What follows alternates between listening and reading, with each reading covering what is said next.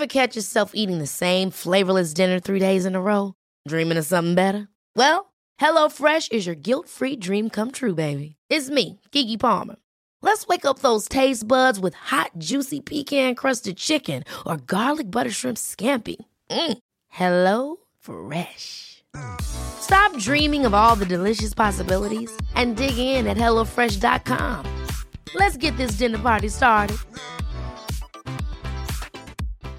One size fits all seemed like a good idea for clothes Nice dress. Uh, it's a it's a t-shirt. until you tried it on. Same goes for your healthcare. That's why United Healthcare offers a variety of flexible, budget friendly coverage for medical, vision, dental, and more. So, whether you're between jobs, coming off a parent's plan, or even missed open enrollment, you can find the plan that fits you best. Find out more about United Healthcare coverage at uh1.com. That's uh1.com. I'm Sandra, and I'm just the professional your small business was looking for. But you didn't hire me because you didn't use LinkedIn jobs. LinkedIn has professionals you can't find anywhere else, including those who aren't actively looking for a new job but might be open to the perfect role, like me. In a given month, over 70% of LinkedIn users don't visit other leading job sites. So if you're not looking on LinkedIn, you'll miss out on great candidates like Sandra. Start hiring professionals like a professional. Post your free job on linkedin.com/people today.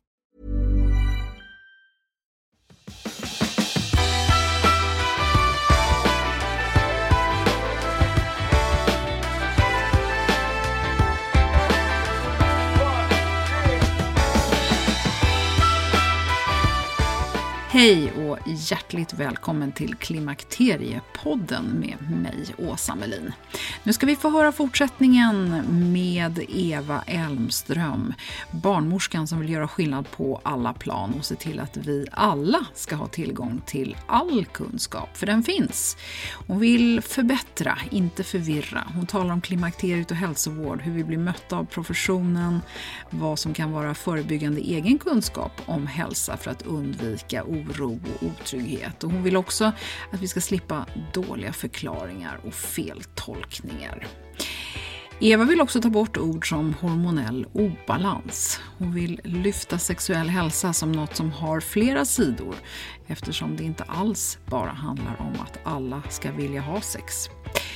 Och en annan sak som chockade mig i samtalet med Eva är hur prestige hos vårdgivarna kan stå i vägen för tillgången på rätt vård och kunskap. Så välkommen att lyssna.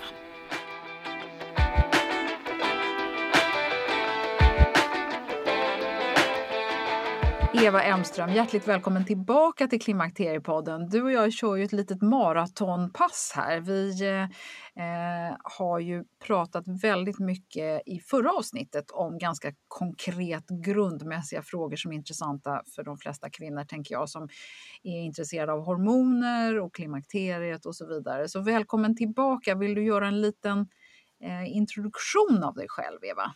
Ja, tack. Eh, nej, men jag är barnmorska, 30 års erfarenhet av kvinnohälsa.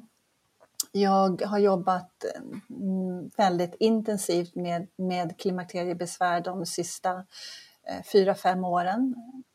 Eh, och jag är oerhört intresserad av kvinnohälsa. Eh, känner idag att jag har en gedigen grund att stå på. Och den grunden har ju då lett fram till att, att jag nu kommer ut med en bok här ehm, som heter Klimakteriet, handbok för, för vårdgivare.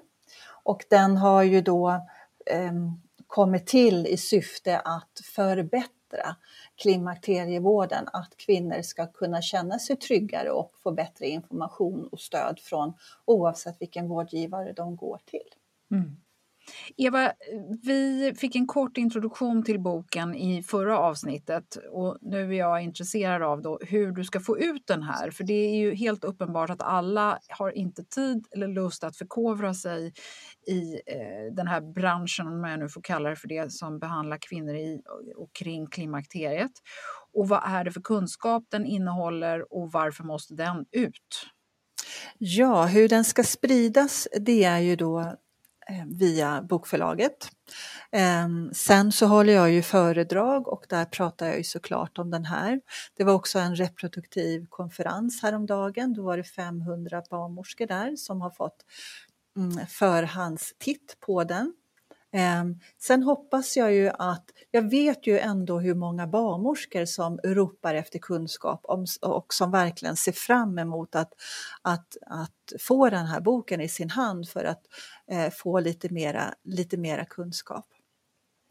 Eh, och det som står i den här boken det är ju då ehm, Mm, den är ju en klinisk bok, det är ju inte bara en teoretisk bok det här. Det finns eh, verkligen bakgrundsinformation, bakgrundsfakta.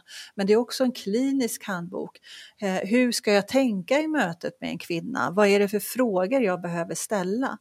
Eh, vad är det för svar jag får? Hur ska jag tänka när jag får de här svaren? Ehm, hur gör jag en bedömning? Vad är det för faktorer jag ska ta hänsyn till? Behöver jag hjälp av andra professionaliteter, det här tvärprofessionella arbetet? Ehm, lite så, så är den tänkt att, att ehm, att användas.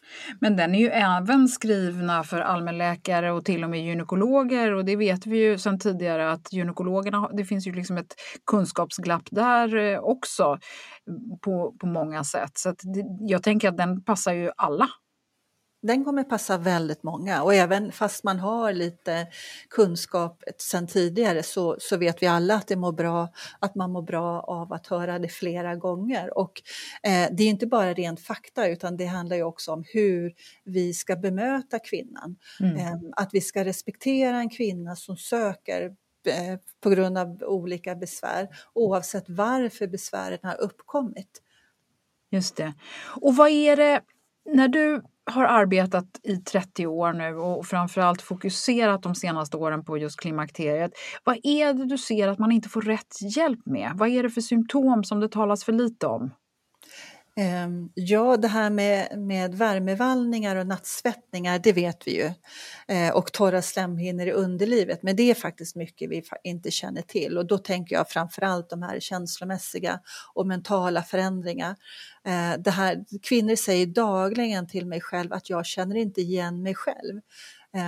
Det skapar ju även en, en osäkerhet hos mig som vårdgivare. Hur ska jag kunna hjälpa den här kvinnan?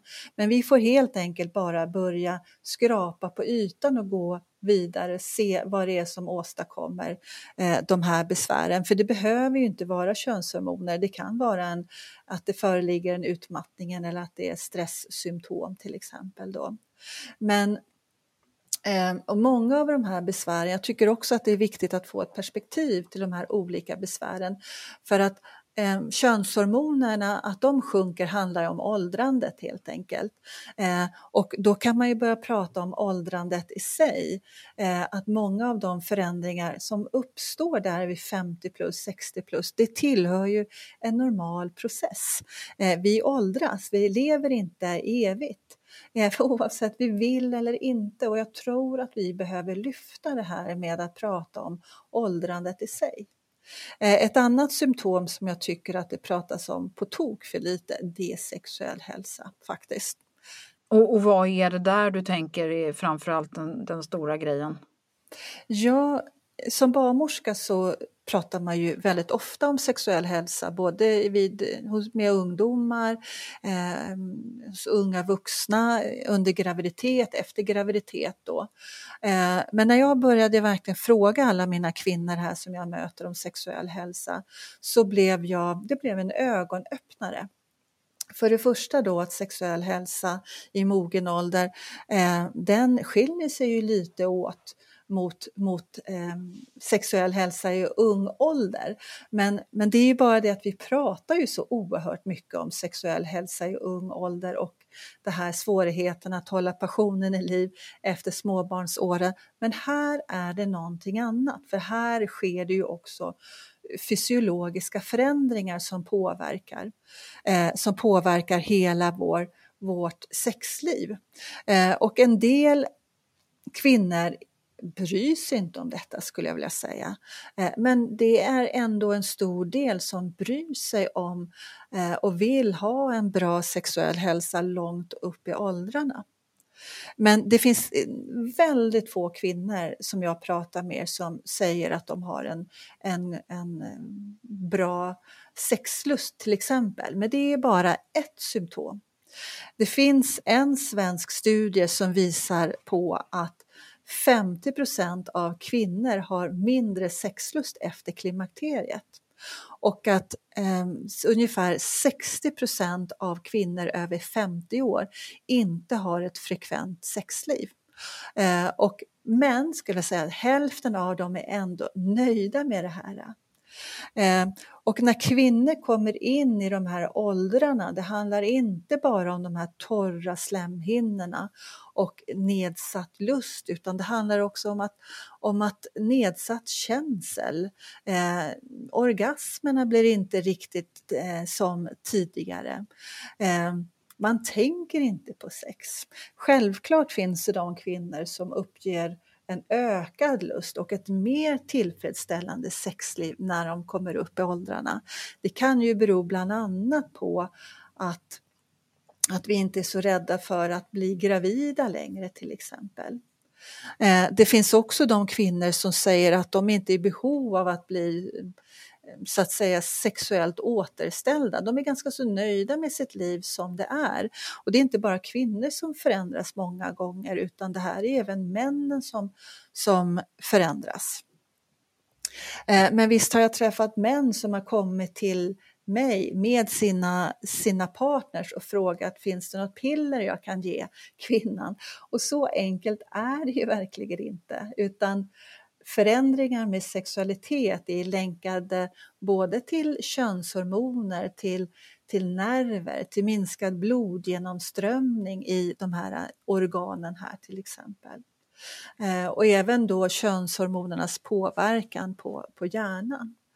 Eh, vi vet att både yttre och inre könsorgan förändras. De minskar i storlek och tjocklek.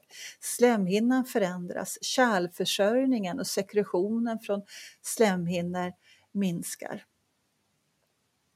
Mm.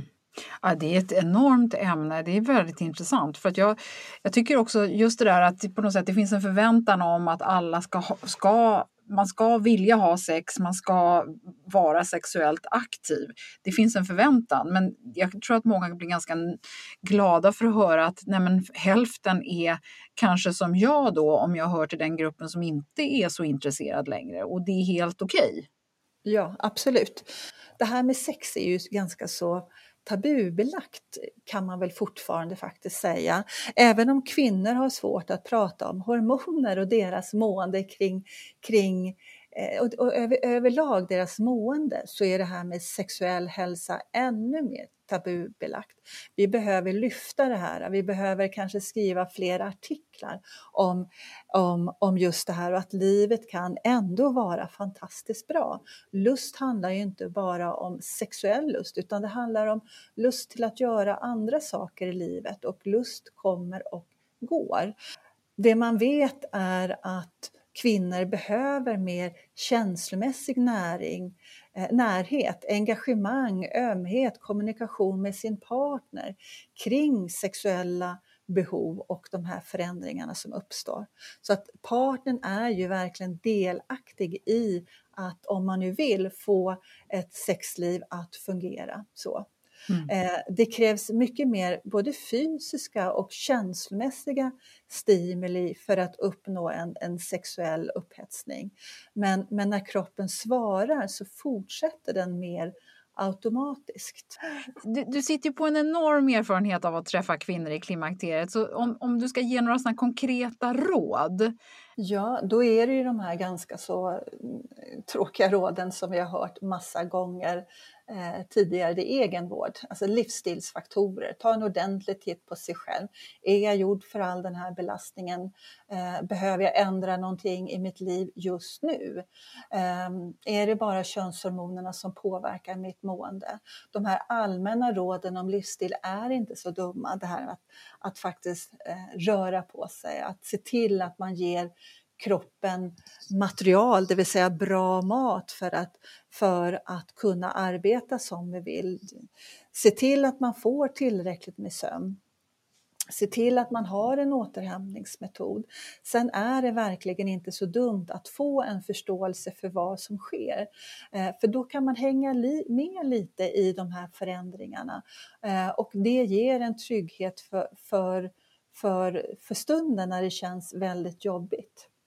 Eh, och också ett råd det är ju det här sök vidare om du inte är nöjd med den hjälp du, du får. Envishet är inte så dumt faktiskt. Eh, och ett råd till vårdgivare det är ju att börja fråga kvinnan om de har olika symptomen. Tänk brett. Eh, när startade de här symptomen? Fortsätt läsa på. Det här är till att börja med lite krångligt men till slut och efter en mängd möten och ökad kunskap så kommer det att kännas lättare. Eh, och, mm, och du som vårdgivare kommer att kunna få många kvinnor eh, tax, tacksamhet. För det är verkligen tacksamt att jobba med de här kvinnorna. Mm. Vi pratade lite i förra avsnittet om olika professioner som kan hjälpa på olika sätt och här är samtalet och den här eh, hälsohistoriken väldigt viktig och vi hade pratat också om tidsaspekter. Eh, så det kan man lyssna på i förra avsnittet om man inte redan har hört det. Du är, eh, Eva, du ogillar ju flera ord och termer. Till exempel så vet jag att du inte gillar ordet förklimakteriet och hormonell obalans. Berätta, vad är det som leder oss fel och vad är det som gör att det kan bli fel om man svänger sig med fel ord när man söker hjälp? Jo, men det stämmer. Det är vissa ord som jag har lite svårt för, för att jag tycker att de kan förvirra mer än förtydliga. Till exempel det här med hormonell obalans. Det är ingen hormonell obalans när man börjar gå in i övergångsperioden och sen in i klimakteriet och till slut menopausen och tiden därpå. Utan det är en normal företeelse som sker på grund av ålder, alltså på grund av åldrandet. Eh, det är inte egentligen hormonerna som sviktar utan det är ju äggstockarna som börjar få slut på ägg. Vi har ganska så många ägg. Eh, vi har väldigt många ägg skulle jag vilja uttrycka det som. Eh, och de här tar ju till slut, börjar ju till slut tar slut och kvaliteten försämras och könshormonerna bildas ju inuti de här äggen så att det är normalt när äggen då tar slut att vi får mindre mängd könshormoner. Så med det sagt så är det liksom ingen sjuklig process utan det är en naturlig process. Och det är därför också jag blir ganska så tjatig när jag säger att de här andra faktorerna, som livsstilsfaktorerna, är en oerhört viktig del i om man vill ha en, en bra hälsa. Sen när det gäller till exempel till förklimakteriet så har jag lite svårt för det för att det är en förenkling av eh, av terminologin. Jag tycker att vi ska använda, att vi vårdgivare ska använda samma terminologi för att också kunna förstå varandra bättre, kanske också för att kunna forska. Men förklimakteriet, när börjar det? När slutar det? Då är det bättre liksom att köra med perimenopaus, menopaus, postmenopausal. Så. Det är inte som så att, att mm, symptomen förändras beroende på vilken eh, terminologi man, man använder utan det är bara för att förenkla egentligen. Då. Mm. Sen skulle jag också vilja tillstå att det finns tillstånd som är orsakade av hormonell obalans, till exempel PCOS där vi har för mycket manliga könshormoner. Det är en hormonell obalans. Eller en viss infertilitet kan också vara en obalans. Men klimakteriet är absolut inte en hormonell obalans. Nej, för då tänker jag att hela kvinnans liv är fullt av eh, hormonell obalans eftersom ja. det åker upp och ner och fram och tillbaka.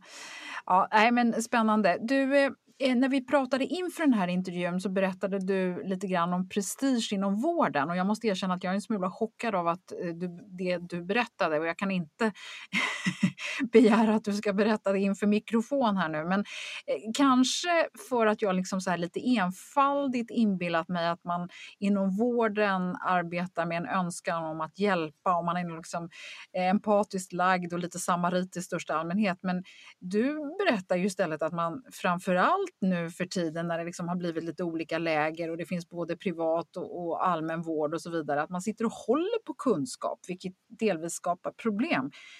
Kan du ge oss en liten insikt i det här?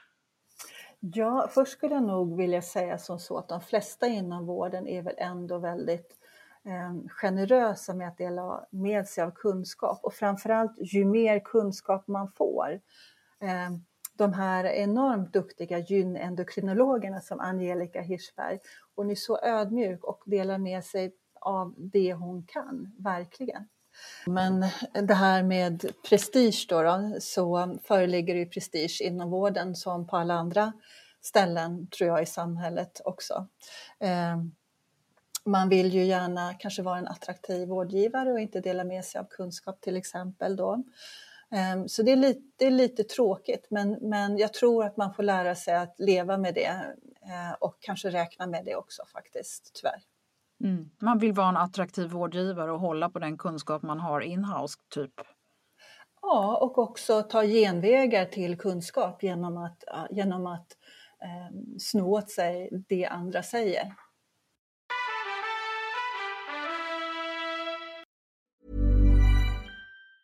There's never been a faster or easier way to start your weight loss journey than with PlushCare. PlushCare accepts most insurance plans and gives you online access to board-certified physicians who can prescribe FDA-approved weight loss medications like Wigovi and Zepbound for those who qualify. Take charge of your health and speak with a board-certified physician about a weight loss plan that's right for you. Get started today at plushcare.com slash weight loss. That's plushcare.com slash weight loss. plushcare.com slash weight loss. Life is full of what-ifs. Some awesome, like what if AI could fold your laundry? And some, well, less awesome, like what if you have unexpected medical costs? United Healthcare can help get you covered with Health Protector Guard fixed indemnity insurance plans. They supplement your primary plan to help you manage out of pocket costs. No deductibles, no enrollment periods, and especially no more what ifs. Visit uh1.com to find the Health Protector Guard plan for you. Hey, it's Ryan Reynolds, and I'm here with Keith, co star of my upcoming film, If, only in theaters, May 17th. Do you want to tell people the big news? All right, I'll do it. Sign up now and you'll get unlimited for $15 a month in six months of Paramount Plus Essential Plan on us. Mintmobile.com slash switch. Upfront payment of $45 equivalent to $15 per month. Unlimited over 40 gigabytes per month. Face lower speeds. Videos at 480p. Active Mint customers by 531.24 get six months of Paramount Plus Essential Plan. Auto renews after six months. Offer ends May 31st, 2024. Separate Paramount Plus registration required. Terms and conditions apply if rated PG.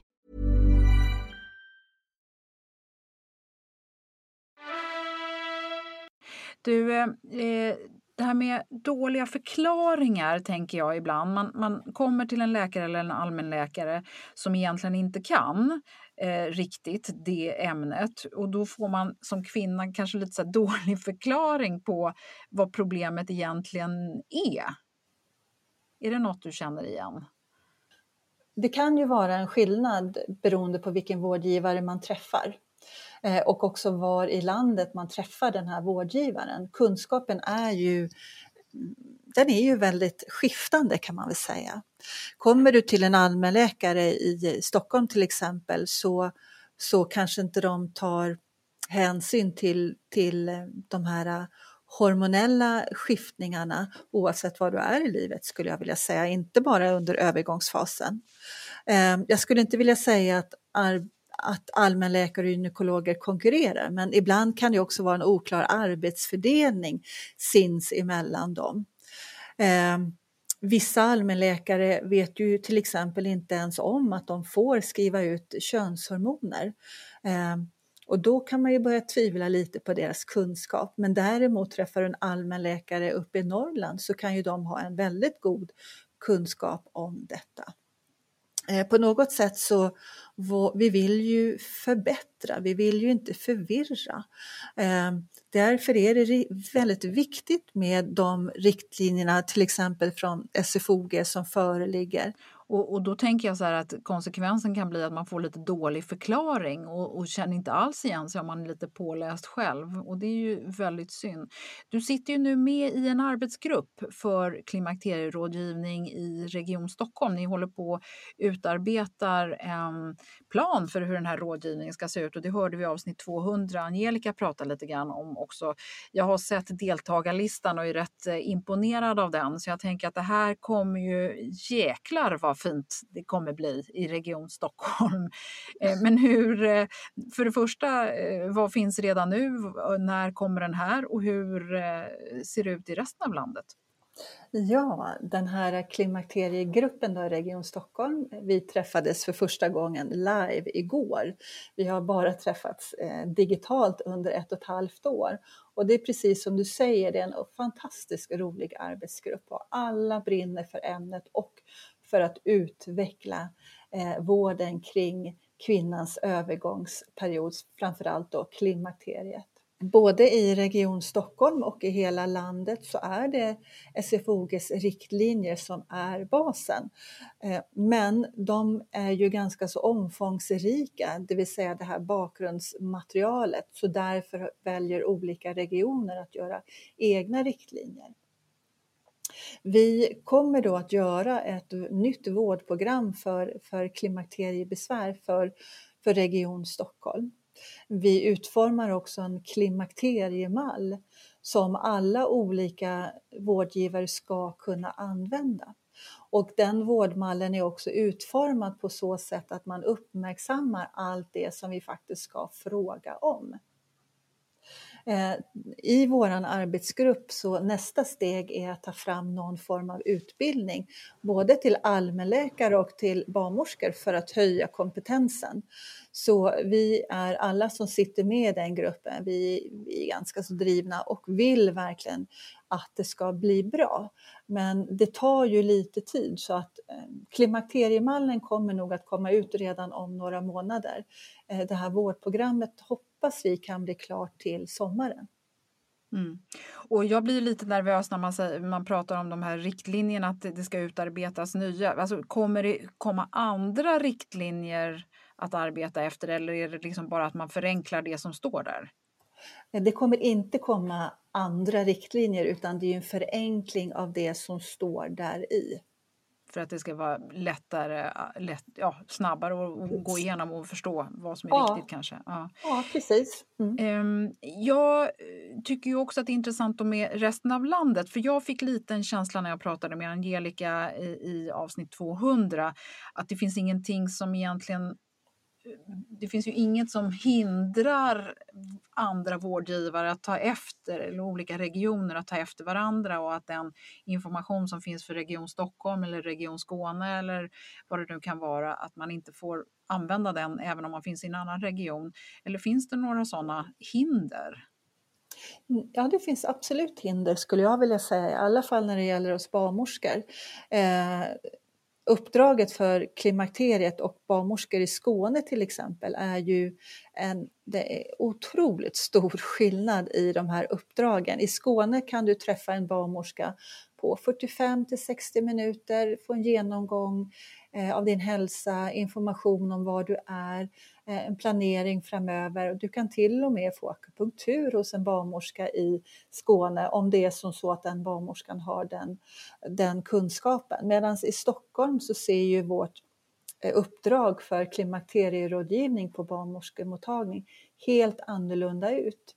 Eh, vi kan bara erbjuda klimakterierådgivning till 3% av mottagningens totala antal cellprover och heller inte riktigt som en primär kontaktorsak, det vill säga att vi måste ha träffat kvinnan i något annat syfte, till exempel cellprover eller på PREV, ehm, på PREV-mottagningen då och sedan boka upp för klimakterierådgivning.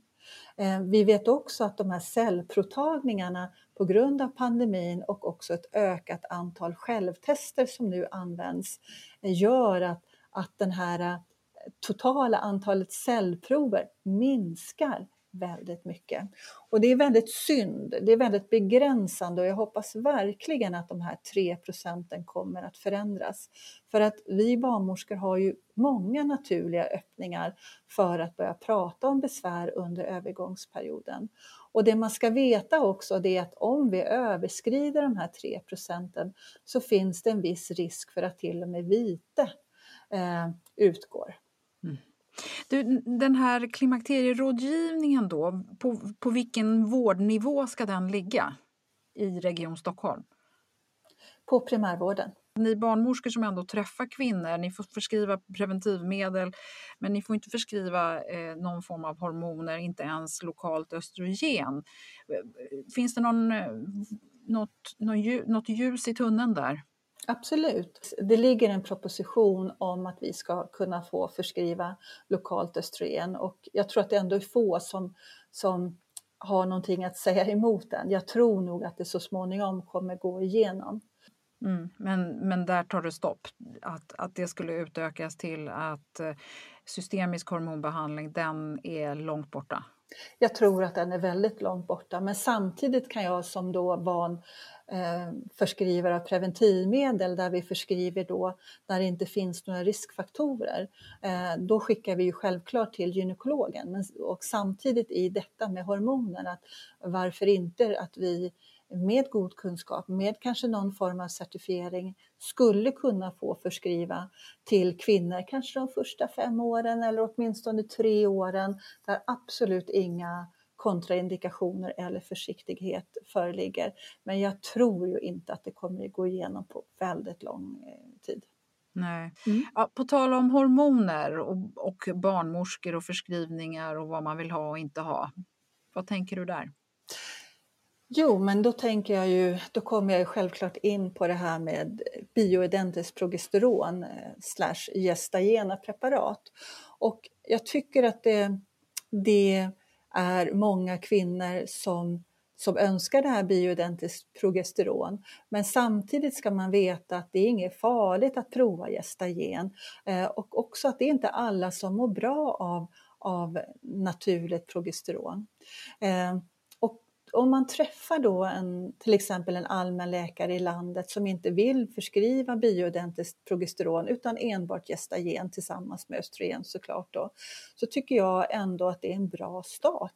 Det är bättre att, du må, att kvinnan mår bättre, att prova det här. Det är inget farligt att prova det. Mår man dåligt, ja men då kanske man behöver träffa en läkare igen. Men att prova det här under ett visst viss tid för att må bättre? Ja, vi har ju då förutom då gestagener och eh, bioidentiskt progesteron så finns ju det här dydrogesteron som är snarlikt progesteronet.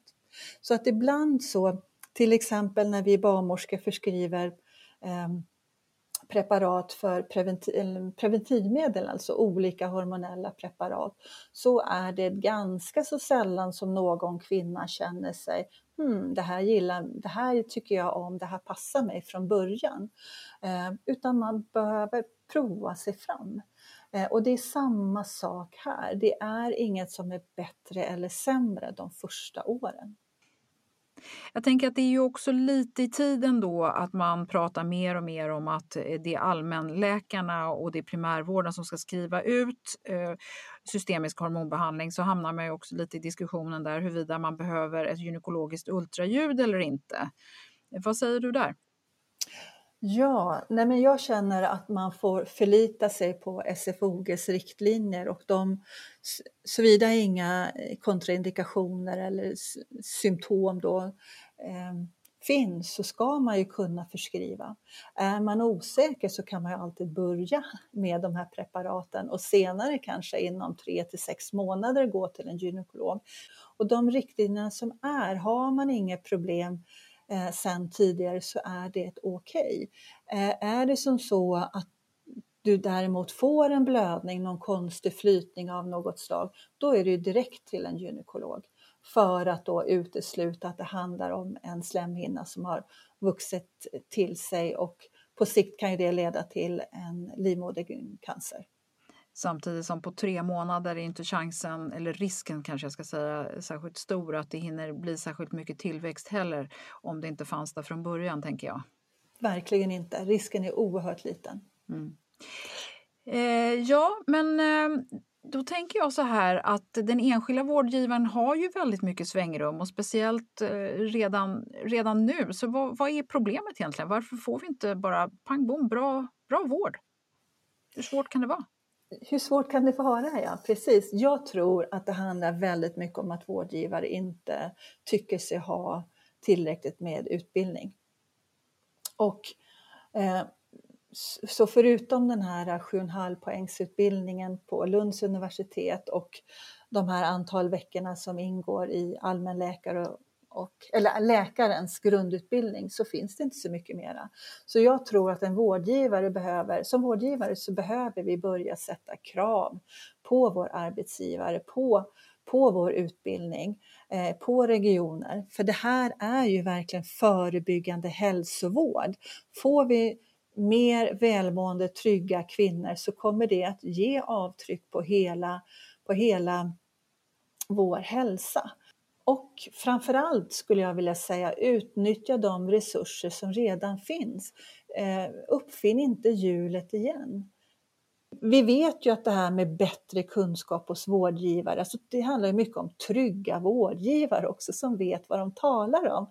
Det leder ju till eh, bättre omhändertagande, vilket leder till tryggare kvinnor. Mm. Det är inte så svårt. Det är verkligen inte svårt det här. Mer kunskap leder till, till, bättre, till bättre vård helt enkelt. Ja, och det hör vi ju om och om igen hur kvinnan ofta, det är information hon vill ha. Hon vill förstå, hon vill känna sig säker på att man inte är sjuk, att det inte är något som är fel på en. Och en del vill bara ha första eh, hjälpen och andra vill förstå lite mer och andra vill inte överhuvudtaget sätta sig in i det, bara hjälp mig med bästa effektiva eh, möjligheter. Så det, vi är ju också olika där tänker jag. Men eh, som sagt, det, det, går ändå att eh, rota sig fram till någon form av kunskap och jag hoppas att din bok eh, kan göra skillnad där och att det kommer vara fler och lättare kanske även i vården att prata om klimakteriet med kvinnor så att de faktiskt förstår vad som är vad. Ja, att uppmärksamma att eh, jag tycker det ska vara självklart när en kvinna går till vårdcentralen till exempel att, att, att det här med var hon kan faktiskt befinna sig i övergångsperioden ska uppmärksammas. Det ska liksom vara ehm, så fort en vårdgivare ser en kvinna, ah, hon är 46 år, var kan hon vara någonstans? Hur, hur, hur påverkar det här hennes övriga symptom? Det ska vara lika, komma lika naturligt som det här är till exempel att tänka på sköldkörtelhormoner. Det ska bara sitta där. Så, mm. ja. Ja. Du Eva, spännande. Vi, vi, har pratat länge nu och eh, har man inte hört förra avsnittet så ska man absolut gå tillbaka och lyssna på det. Du har många järn i elden och det kan vara kul att hålla lite koll på dig. Eh, och man kanske till och med vill träffa dig höll jag på att säga. Det kanske vi inte vågar utlysa så, men eh, vad har du på gång? Berätta.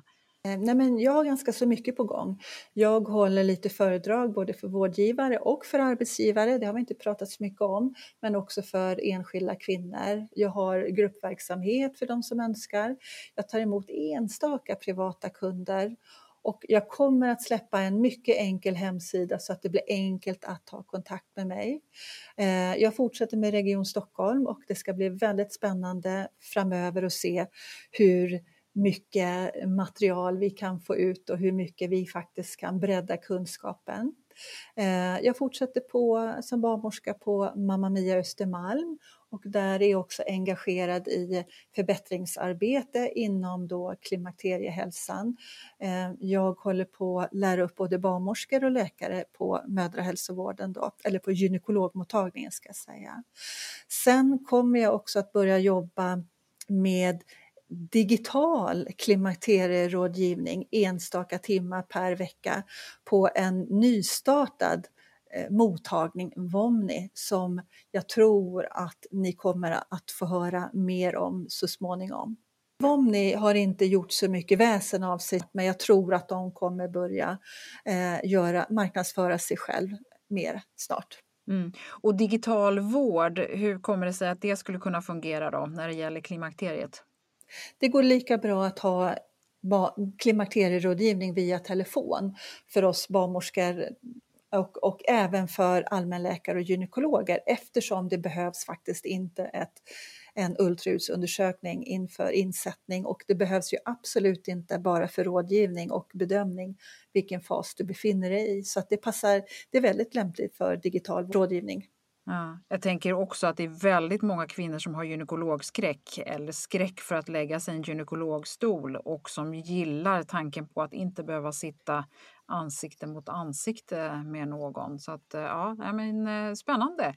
Det händer grejer i alla fall på något sätt. Eh, sakta, sakta framåt, framåt går vi. Och... Precis. Jag tror att det kommer bli stor förändring i detta. Eh, om bara tio år så kommer vi nog ha implementerat detta rätt rejält. Mm. Eva Elmström, tusen tack för att du vill dela med dig i Klimakteriepodden och jag tycker att det känns väldigt tryggt att det är någonting som eh, håller på att ske och jag tycker också att det låter som att det börjar bli fler och fler som vill vara med och skingra den här klimakteriedimman som vi eh, trots allt har famlat runt i ganska länge nu. Eh, är det någonting som du slutligen vill lägga till här? Som... Det är oerhört viktigt med att rätt kunskap ges och att kanske eh, rätt hormoner också ges, det vill säga de som passar den kvinnan. Eh, jag kan inte låta bli att jämföra lite här eh, med eh, aborter till exempel. Man försöker inskränka då eh, aborträttigheter för kvinnor i olika länder just nu. Eh, men samtidigt så vet vi att den här inskränkningen inte leder till färre aborter utan större risker för kvinnor. Vi utsätter deras liv för, för risk. Samma sak här till exempel med bioidentiskt progesteron som då eh, många kvinnor önskar men kanske inte alltid får. Det här leder till att de söker eh, privata hormonaktörer som kanske inte alltid har rätt kompetens men också att kvinnor åker utomlands och köper det här receptfritt eh, i Spanien och så och kanske använder det på ett sätt som absolut inte är bra för dem. Det är ju sådana saker vi måste lyfta i, i debatten kring klimakteriefrågor också. Mm. Hoppas att jag har påverkat både någon vårdgivare och kvinnor eh, till att antingen söka vård eller att skaffa sig mer kunskap. Ja. Ja, men jättebra. Och det är faktiskt så, för du som lyssnar här nu, jag vet att det är inte bara kvinnor som lyssnar utan det är många, just i ditt skrå, många barnmorskor som lyssnar. Eh, det finns ganska många läkare som också lyssnar, även om de inte lika ofta eh, erkänner det. Men det finns mycket vårdpersonal som lyssnar på Klimakteriepodden så att, eh, det är ju fantastiskt tycker jag att eh, vi sprider kunskap från alla håll på så gott vi kan, eller hur Eva? Mm, absolut, du är väldigt duktig Åsa på att ta fram eh, bra ämnen i detta. Ja, och framförallt så tycker jag ju att eh, det är kul att det är så många som är kunniga som vill ställa upp, så det tackar mm. jag särskilt för. Och du är definitivt en av dem Eva. Så att eh, tusen tack för att du eh, ställde upp och ville ge så mycket av din tid till Klimakteriepoddens lyssnare. Mm. Tack Åsa!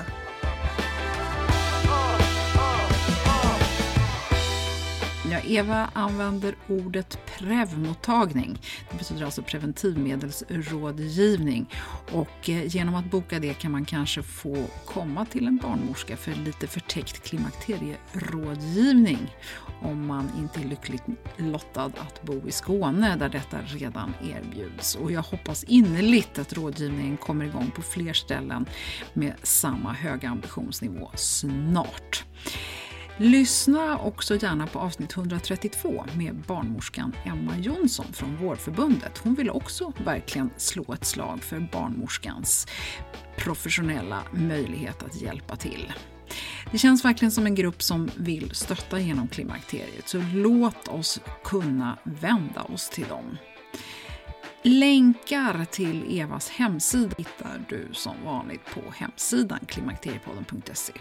Och så är det alltid kul med de av er lyssnare som hör av er. Lättast gör du det genom Klimakteriepoddens Facebook och Instagram-sidor. I nästa avsnitt så ska vi få höra hur det har gått för Socialstyrelsen och regeringen med den senaste undersökningen om vad vi kvinnor vill ha av vården och vad man nu tänker göra åt det i och kring klimakteriet. Så stort tack för att du har lyssnat och välkommen snart igen. Hej då!